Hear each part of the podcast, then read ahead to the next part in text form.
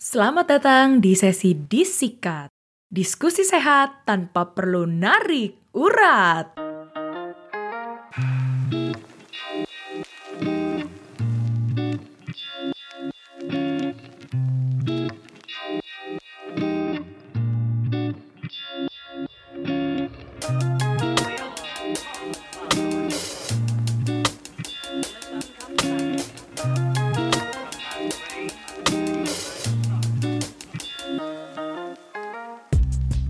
Yang udah ngikutin Abjad Tersirat dari awal, pasti kalian familiar ya sama sesi disikat alias diskusi sehat yang ada di Instagram story-nya Abjad Tersirat. Dan sekarang sesi disikat hadir di podcast Abjad Tersirat sebagai segmen monolog yang paling baru.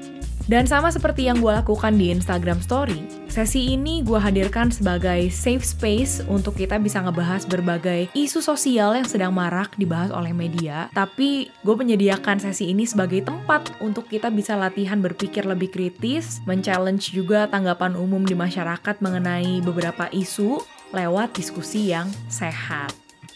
Nah, isu yang sempat heboh di media dan ingin gue bahas di episode ini adalah berita mengenai Will Smith yang ngegampar Chris Rock di panggung Academy Awards. Perkaranya karena si Chris ini ngebecandain penyakitnya Jada Pinkett Smith atau istrinya Will Smith yang mengalami alopecia. Walau berita itu mungkin udah terhitung satu bulan berlalu ya ketika gue rilis episode ini, tapi di sini gue mau nge-share pendapat unik dari beberapa orang yang muncul saat gue ngebuka sesi disikat di Instagram Story Abjad Tersirat. Dan dari diskusi itu, uh, gue mau membagikan dua dilema yang menurut gue tuh sering terjadi ya di kehidupan kita. Yaitu pertama soal kapan dan bagaimana kita harus pick up. Dan yang terakhir adalah soal menghadapi anger alias rasa marah. Biar kalian lebih paham sama konteksnya, waktu itu gue kasih pertanyaan seperti ini di Instagram Story. Tim manakah kalian? A. Wajarlah si Will Smith ngegampar si Chris Rock. Atau B. Chris bercandanya emang kelewatan, tapi nggak perlu digampar juga dong. Atau C. Gue seneng ya dibela, tapi pasangan gue juga nggak perlu sampai ngegampar orang kayak begitu gitu. Atau D. Gue punya pendapat lain. Nah, buat lu yang sekarang lagi ngedengerin, coba jawab pertanyaan itu di dalam hati ya, sambil menimbang-nimbang beberapa perspektif yang sebentar lagi akan gue bagikan nih ke kalian. Oke, perspektif yang pertama adalah yang tahu kelakuannya si Will Smith ini salah, tapi at the same time mereka juga bisa berempati sama posisi si Will di saat itu. Jadi ada komentar nih ya di sesi disikat via direct message yang masuk dari sebut aja namanya Bunga. Jadi Bunga nih bilang ya, tanpa membenarkan apa yang dilakukan Will Smith, apakah lu juga gak akan ngamuk kalau kondisi medis orang yang amat sangat lu cintai jadi bahan bercandaan di depan umum dan dunia internasional?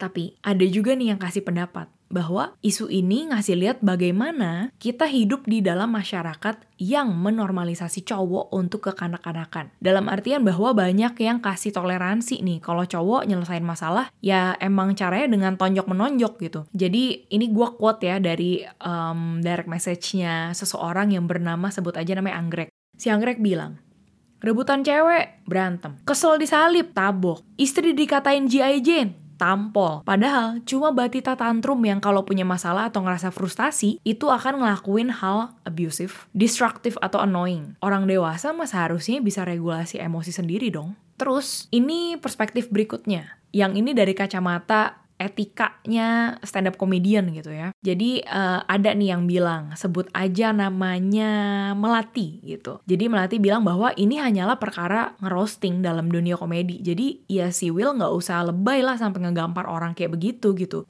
Tapi ada juga nih yang tidak setuju dengan pendapat si roasting ini. Sebut aja yang tidak setuju ini namanya Joko. Si Joko bilang bahwa ngerosting itu benar kalau satu yang di roasting diri sendiri, keluarganya sendiri, agamanya sendiri, rasnya sendiri, orientasi dan ekspresi gendernya sendiri. Terus yang berikutnya, pihak mayoritas dan berprivilege, abis itu pihak penguasa dan selebriti. Si Jada memang selebriti, Tapi dia kan juga sakit. Jadi dia tuh botak bukan style. Dan Will Smith emang nggak bijak marahnya sampai literally nampol kayak begitu. Tapi nggak lantas juga bisa bikin roasting istrinya itu normal ya tanda kutip. Nah, si Joko juga bilang nih bahwa komedian itu pelawak profesional dan dengan itu tanggung jawab lu adalah harus woke, sensitif, dan research materi lawakan lu secara proper. Oke, itu tadi kita udah tiga perspektif ya. Jadi untuk kalian nih yang mungkin belum sempat ikutan sesi itu di Instagram Story, terus lagi coba ngejawab ini di dalam hati gitu ya, gue akan bikin lo makin bingung lagi. Dengan perspektif berikutnya yang menurut gue interesting, yaitu dari orang-orang yang memposisikan dirinya sebagai Jeda. Waktu di Instagram story gue emang sempat kasih pertanyaan ya. Pertanyaannya adalah, gimana sih perasaan lu kalau jadi Jada di momen itu? Apakah lu akan malu atau bangga dengan perlakuan pasangan yang ngebelain lo sampai segitunya? Atau apakah lu akan punya mix up feeling? Nah gue pikir nih ya, gue pikir, voter banyak itu akan jatuh ke jawaban bangga. Tapi ternyata banyak banget yang ngejawab bahwa mereka akan punya mix up feeling. Dan karena jawaban ini, akhirnya jadi muncul self reflection gitu ya soal isu speaking up itu sendiri. Karena gue orangnya cukup vokal dan berani untuk speak up, especially kalau itu udah menyangkut soal rasisme ataupun diskriminasi gender. Tapi tentu aja banyak trials and errors gitu yang terjadi ketika gue belajar untuk speak up, baik itu untuk diri gue sendiri ataupun untuk orang lain.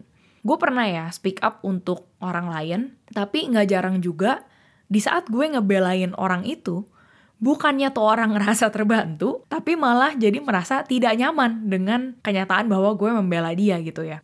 Gue bahkan sempat mikir bahwa ya udahlah, mungkin emang lebih baik nggak usah speak up aja gitu, tutup mata kalau ada ketidakadilan yang terjadi. Toh gue speak up pun gue malah disalahin gitu ya. Nah, balik ke kasus si Chris Rock dan Will Smith. Di media tentunya lebih banyak ngeberitain perspektif dua cowok ini ya dibanding perspektif si Jada gitu. Makanya gue jadi penasaran, sebenarnya si Jada tuh mikir apa ya di rumah setelah pulang dari acara Academy Awards? Apakah dia bangga ngelihat lakinya ngebelain dia sampai segitunya? Atau malah ngerasa enak nih? Karena si Jada juga tahu kok kalau di awal bercandaan itu tuh si Will Smith juga masih ketawa gitu. Tapi kenapa ujuk-ujuknya lu ngegampar si Chris Rock gitu kan? Kayak kalau dari beberapa komentar yang masuk tuh pada bilang bahwa sebenarnya si Will Smith mungkin marah sama dirinya sendiri karena sempat ketawa terus habis itu jadi mikir hmm anjing bercandaannya nggak lucu. Gue harus ngegampar Chris Rock biar gue kelihatan ngebelain bini gue but anyway, balik ke Jada gitu ya. Gue nggak tahu ya, apa mungkin mungkin juga si Jada bisa aja mix up feelingnya karena dia seneng bisa dibela tapi at the same time juga ngerasa nggak nyaman gitu dan malu sama kelakuan suaminya yang nggak bisa kontrol emosi di depan umum gitu ya. Well, kita semua punya perspektif masing-masing soal isu ini ada dari kalian yang mungkin mengkritik dari segi toxic masculinity atau mungkin dari segi etika pas bercanda gitu. Tapi kalau dari gue sendiri, isu ini bikin gue jadi mikir ulang soal dua hal, yaitu soal kapan, bagaimana, dan pure motif apa sih yang kita punya saat kita speak up. Dan yang terakhir adalah soal menghadapi intense emotion. Dan kali ini adalah si rasa marah itu sendiri entah apa pun gender lo ya, tapi kalau kita suatu hari nanti berada di situasi seperti si Will Smith dan Jada, di mana pasangan gue nih misalnya atau pasangan lo dipermalukan depan umum, ya kita harus ngapain ya? Uh, menurut gue ada dua hal yang bisa kita pikirkan. Yaitu yang pertama, kalau lo ngerasa marah, lo sebenarnya marah karena apa? Apakah lo marah karena orang yang lo sayangi ini disakiti atau dipermalukan? Atau lo ngerasa marah karena lu berasa lu nih harus nunjukin kalau lu marah and you have to act on it supaya ego lu tidak terinjak-injak atau supaya lu nggak dibilang pengecut gitu ya. Banyak sekali gitu akar dari rasa marah itu.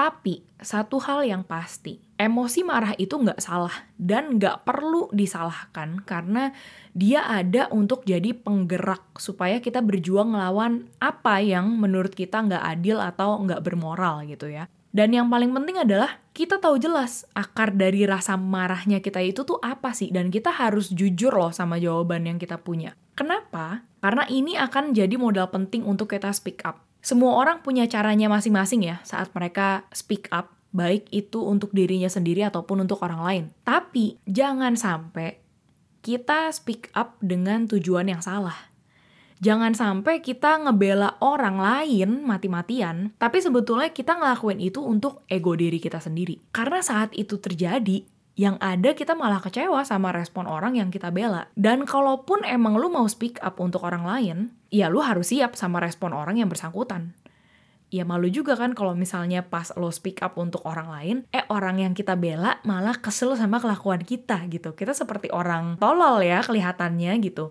Dan maka dari itu gue belajar bahwa gue hanya akan bisa speak up untuk diri gue sendiri.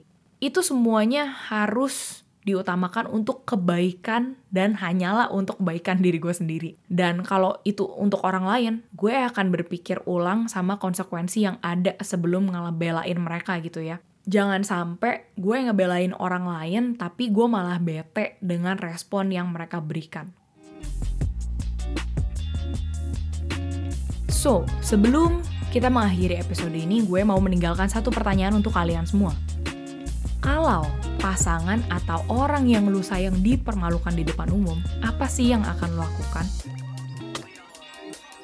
Thank you for listening, dan kalau lo mau ikutan sesi disikat yang gue buka di Instagram Story, silahkan follow Instagram Abjad Tersirat supaya lo bisa ngedapetin update-nya. Dan kalau lo mau kasih ide atau topik-topik yang seru untuk dibahas di sesi ini, langsung aja ngobrol sama gue via Instagram.